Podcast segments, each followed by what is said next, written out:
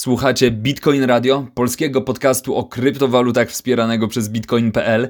Nie ma intro, tak jak zauważyliście, a to dlatego, że najnowszy odcinek podcastu nagrałem e, wczoraj. Wczoraj, przed, e, mom, przed tym, co wydarzyło się tak naprawdę w ciągu ostatnich 12 godzin, czyli w momencie, w którym e, Bitcoin kosztował nawet momentami poniżej 39 tysięcy dolarów za sztukę.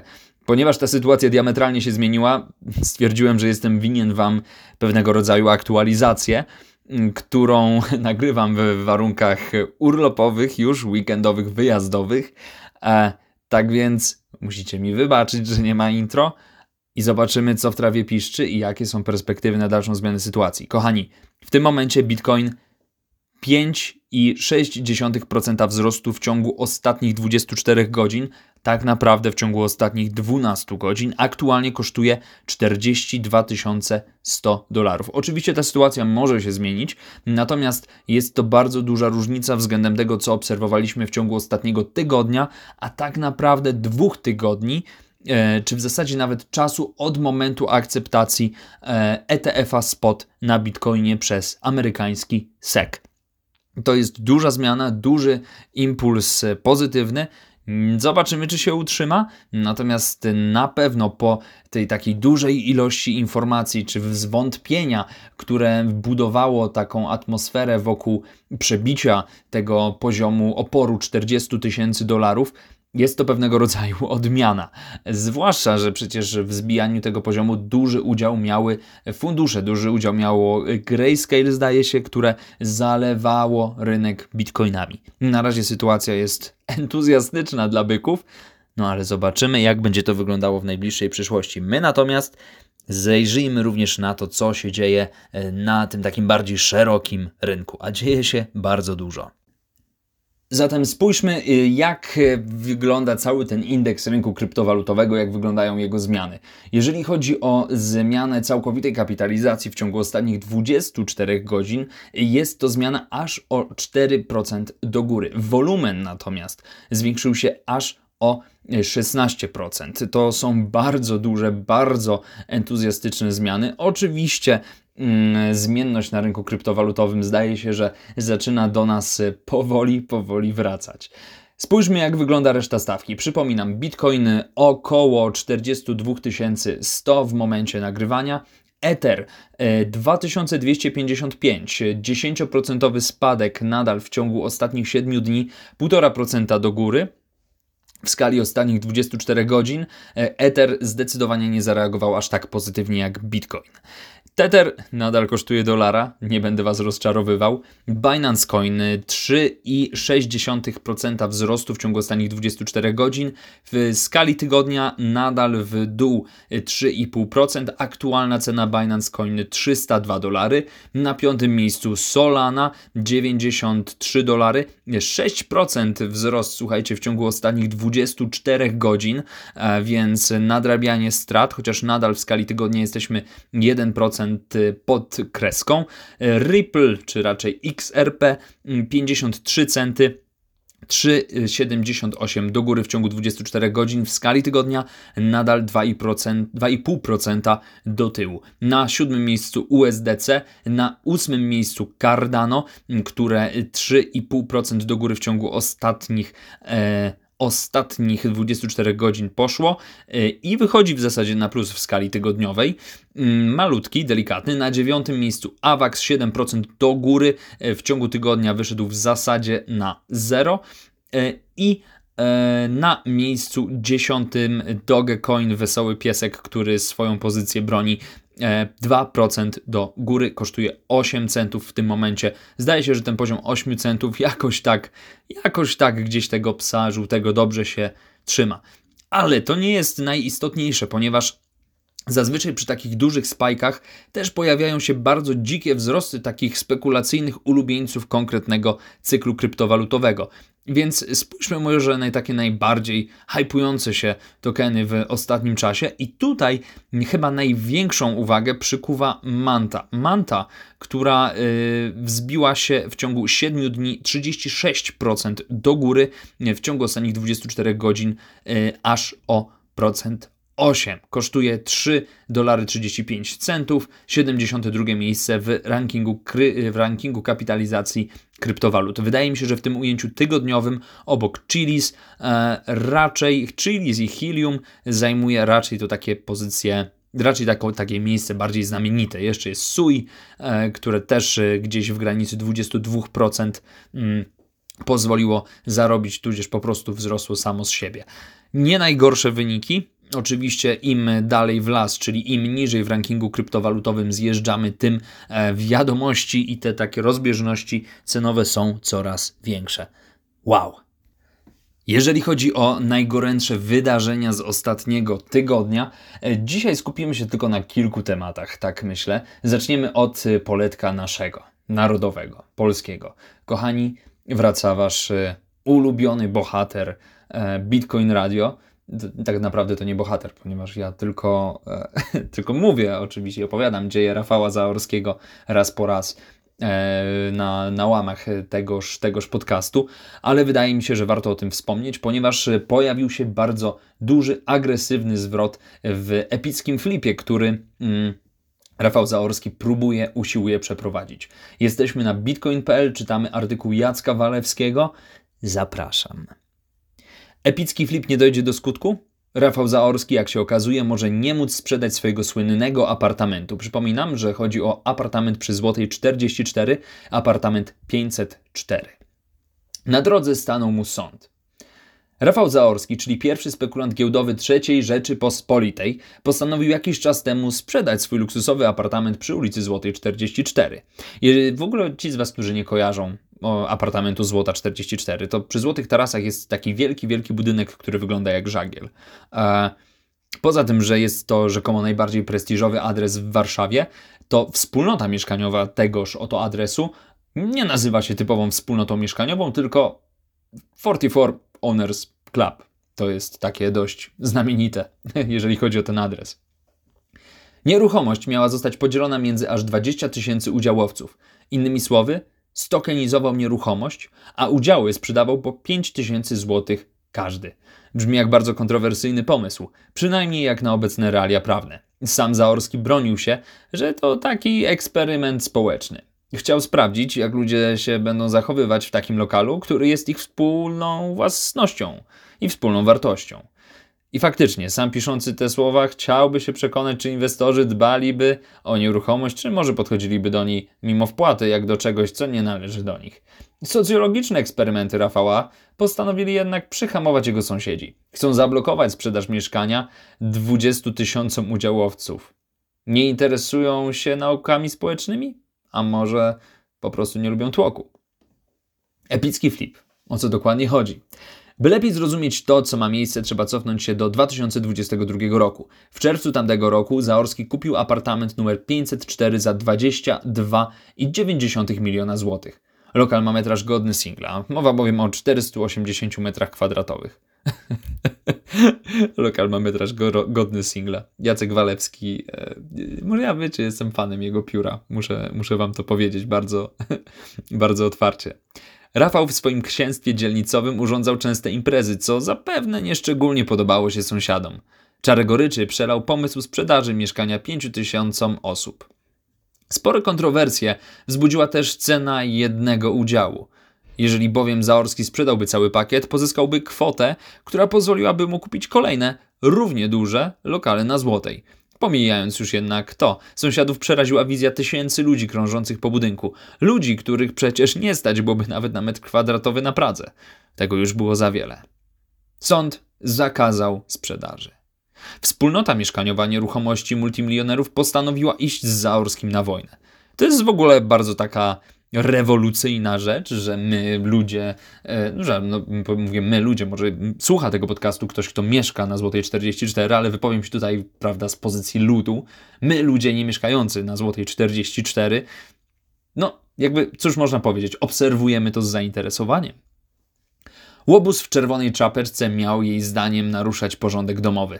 Do tego nie ma możliwości, by wszyscy przyszli mikrowłaściciele korzystali potem z apartamentu cudzysłów, przy uwzględnieniu powszechnie obowiązujących przepisów prawa dotyczących chociażby bezpieczeństwa pożarowego. No, trafny argument. Sprawa trafiła do sądu okręgowego w Warszawie, a ten wydał postanowienie o zabezpieczeniu roszczenia, mówiąc wprost, zakazał sprzedaży lokalu za pomocą udziałów. Dodajmy, że tymczasowo. Zaorski w odpowiedzi pochwalił się, że ma już ponad 7 tysięcy zapisów na ponad 56 tysięcy udziałów. Pomimo waszej chęci, tutaj to jest cytat z Zaorskiego, pomimo waszej chęci zakupu nie mogę wam go sprzedać. Od tego momentu powstają moje roszczenia w stosunku do wspólnoty o utracone korzyści wynikające z zablokowania tej transakcji. Rozpoczynamy batalię sądową o to, czy właściciel ma prawo do korzystania ze swojej własności zgodnie z kodeksem cywilnym i konstytucją, czy jego prawa w Polsce chronione, są chronione czy nie. O to też chodziło w tym eksperymencie. Powiedział w wideo opublikowanym na Twitterze. E, sprawa staje się tym jeszcze ciekawsza, chodzi w niej o prawo do zarządzania swoim majątkiem przez Zaorskiego. To jest oczywiście, słuchajcie, i tu już koniec artykułu Jacka Walewskiego. E, Co ciekawe, to wideo, które znajduje się na Twitterze Rafała Zaorskiego, y, też ma swoją drugą część, która dotyczy tego, co Rafał Zaorski poza e, rozpoczęciem roszczeń wobec wspólnoty chce zrobić. Otóż okazuje się, że Rafał Zaorski, jeżeli nie może sprzedać kilkudziesięciu tysiącom udziałowców tego swojego apartamentu, to postanowił, że podpisze ze wszystkimi umowę użyczenia slash umowę najmu. W ten oto sposób kilkanaście tysięcy, kilkadziesiąt tysięcy osób, które będą posiadały prawa do tego lokalu, będą mogły uzyskać kartę do tego lokalu i będą mogły legalnie tam mieszkać, tak naprawdę. No jeśli tak, to w teorii, na papierze i według Rafała Zaorskiego, każda osoba posiadająca udział w apartamencie 504, czy każda osoba, która podpisała umowę użyczenia, będzie mogła legalnie wejść na teren posesji i nie powinna zostać przez odźwiernego, czy przez y, ochroniarza, czy przez y, nie wiem, kto tam się znajduje na Złotkie 44, ale nie powinna zostać zatrzymana. Jeżeli tak by się stało, wówczas te osoby, jako użytkownicy apartamentu 504, również będą mieli roszczenia wobec wspólnoty z powodu niemożności korzystania z lokalu, który wynajmują, czy który, e, no tak, lokalu, który wynajmują, po prostu. Ciężko mi powiedzieć, e, czy ta logika na ten moment jest tak naprawdę e, jest tak naprawdę bez dziur i czy będzie można to tak naprawdę rozegrać w ten sposób, o który Rafałowi Zaorskiemu chodzi. Jest to bardzo ciekawe. Wiem natomiast, że e, kancelaria, kancelaria Okto, która prowadzi sprawę e, od strony wspólnoty mieszkaniowej Złotej 44, twierdzi, że możliwość zablokowania takiej decyzji sprzedaży e, stanowi pewien precedens prawny w Polsce. Co jest całkiem ciekawe, ponieważ jeżeli to jest precedens prawny, no to dość mocno możemy potem założyć, że będzie mogło to mieć wpływ, bardzo zaawansowana konstrukcja zdania. Będzie to mogło mieć całkiem niezły wpływ na to, jak w przyszłości będzie kształtowało się prawo, jak będą kształtowały się praktyki dotyczące sprzedaży mieszkań. Czy będą możliwe dalsze naciągnięcia, jeżeli chodzi o ograniczenie możliwości sprzedaży lokalu przez właściciela tego lokalu? No, mega ciekawe, słuchajcie. E, jednego nie można Rafałowi Zaorskiemu odmówić. Jedni twierdzą, że jest to człowiek, który jest uzależniony od hazardu, inni twierdzą, że jest to najlepszy najbardziej obiecujący trader w Polsce. Na pewno, myślę, można powiedzieć, że jest to człowiek, który wie, jak wzbudzić dookoła siebie szum i mówić w taki sposób i o takich rzeczach, żeby ludzie po prostu go słuchali. E, wow, to, to taki głęboki i całkiem długi wywa- wywód na temat Rafała Zaorskiego. Heh. Słuchajcie, e, mówiliśmy też ostatnio, jak już jesteśmy przy kontrowersyjnych osobach, o Donaldzie Trumpie. No to może o Donaldzie Trumpie powinniśmy też pomówić jeszcze przez chwilę. No więc mówiliśmy o kartach Trumpa, mówiliśmy o tym, że Trump generalnie lubi NFT i lubi meme coiny i mówiliśmy też o tym, że Trump nie lubi CBDC i że obiecał Amerykanom, że CBDC w Stanach Zjednoczonych nie powstanie, ponieważ jest narzędziem kontroli obywateli. No to teraz powiem Wam o tym, że Donald Trump hodluje na swoim portfelu meme coiny o wartości ponad miliona dolarów. Co nie? Brzmi całkiem mocno. Chodzi o to, że na portfelu, który jest powiązany z kolekcjonerskimi kartami NFT Trumpa, znajdują się tokeny MAGA o oznaczeniu Trump, które właśnie taką wartość posiadają. Hu, zobaczmy, co tak naprawdę gdzieś tam się dzieje w tym wszystkim. Czytamy artykuł Jeremiasza Kroka na bitcoin.pl. Nie jeden właściciel mimcoinów przekonał się na własnym portfelu, że hodlowanie niektórych, nawet najbardziej absurdalnych tokenów może być prostym przepisem na bogactwo. Doskonale wiedzą o tym hodlerzy Doge, SHIB czy Solany. Okazuje się, że jednym z takich hodlerów jest także były i całkiem możliwe, że i przyszły prezydent Stanów Zjednoczonych. Według danych zebranych przez Arkham Intelligence w jednym z portfeli przypisanych do Donalda Trumpa znajduje się spora ilość mimcoinów. Warto dodać, że jest to adres powiązany ze sprzedażą kart kolekcjonerskich The Trump Digital Trading Cards Collection. Donald Trump hodluje aż 579 tysięcy mimcoinów MAGA, sztuk w sensie, nie, różnych e, mimcoinów. Co ciekawe, jest to token bezpośrednio nawiązujący do kampanii prezydenckiej Make America Great Again z 2015 roku. Choć slogan ten obecnie kojarzony jest wyłącznie z Trumpem, tak po raz pierwszy został użyty w kampanii wyborczej Ronalda Reagana w roku 80. No taka wiecie, ciekawostka, jeżeli nie wiedzieliście. Hodlowanie tak dużego kapitału w mimcoinach może wydawać się szaleństwem, ale tylko z pozoru. Kampania wyborcza i reelekcja Trumpa mogą wywindować mimcoina, z maksy, y, mimcoina maksymalizując zysk hodlerów. I oczywiście, słuchajcie, jakby tutaj to, to, to wiadomo, że to jest pół żartem, pół serio. Natomiast e, jakby token, e, token MAGA wzrósł o 15 tysięcy procent po wyboru e, prawyboru w New Hampshire. E, natomiast ten rynek jest, wiecie, co do zasady mały i co do zasady turbo turbochwiejny. Natomiast pamiętam, kiedyś była taka inicjatywa, którą zdaje się, że zapoczątkował Szczepan Bentyn. Tak, Szczepan Bentyn. E, nie wiem, czy nie na współkę z Bartkiem Bilickim, ale może teraz troszeczkę, słuchajcie, kombinuję, a wynika to z tego, że domena już chyba niestety nie działa, tak mi się wydaje, ale sprawdzę, słuchajcie, wygooglam ją teraz mm, teraz, teraz przy raz. Nie, niestety została zamknięta, więc nie będę mógł tego zweryfikować. Dobrze pamiętałem, więc mówię z pamięci.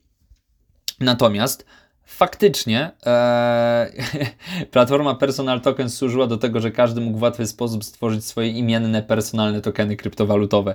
Więc cóż, może można powiedzieć, że Donald Trump stworzył swojego najbardziej popularnego personal tokena, który rzeczywiście jest powiązany z jego wartością jako indywiduum, a może nie jako wartością jako, jako indywiduum, ale wartością w, w, powiązaną z jego postępami w karierze politycznej, czy po prostu w walce o reelekcję.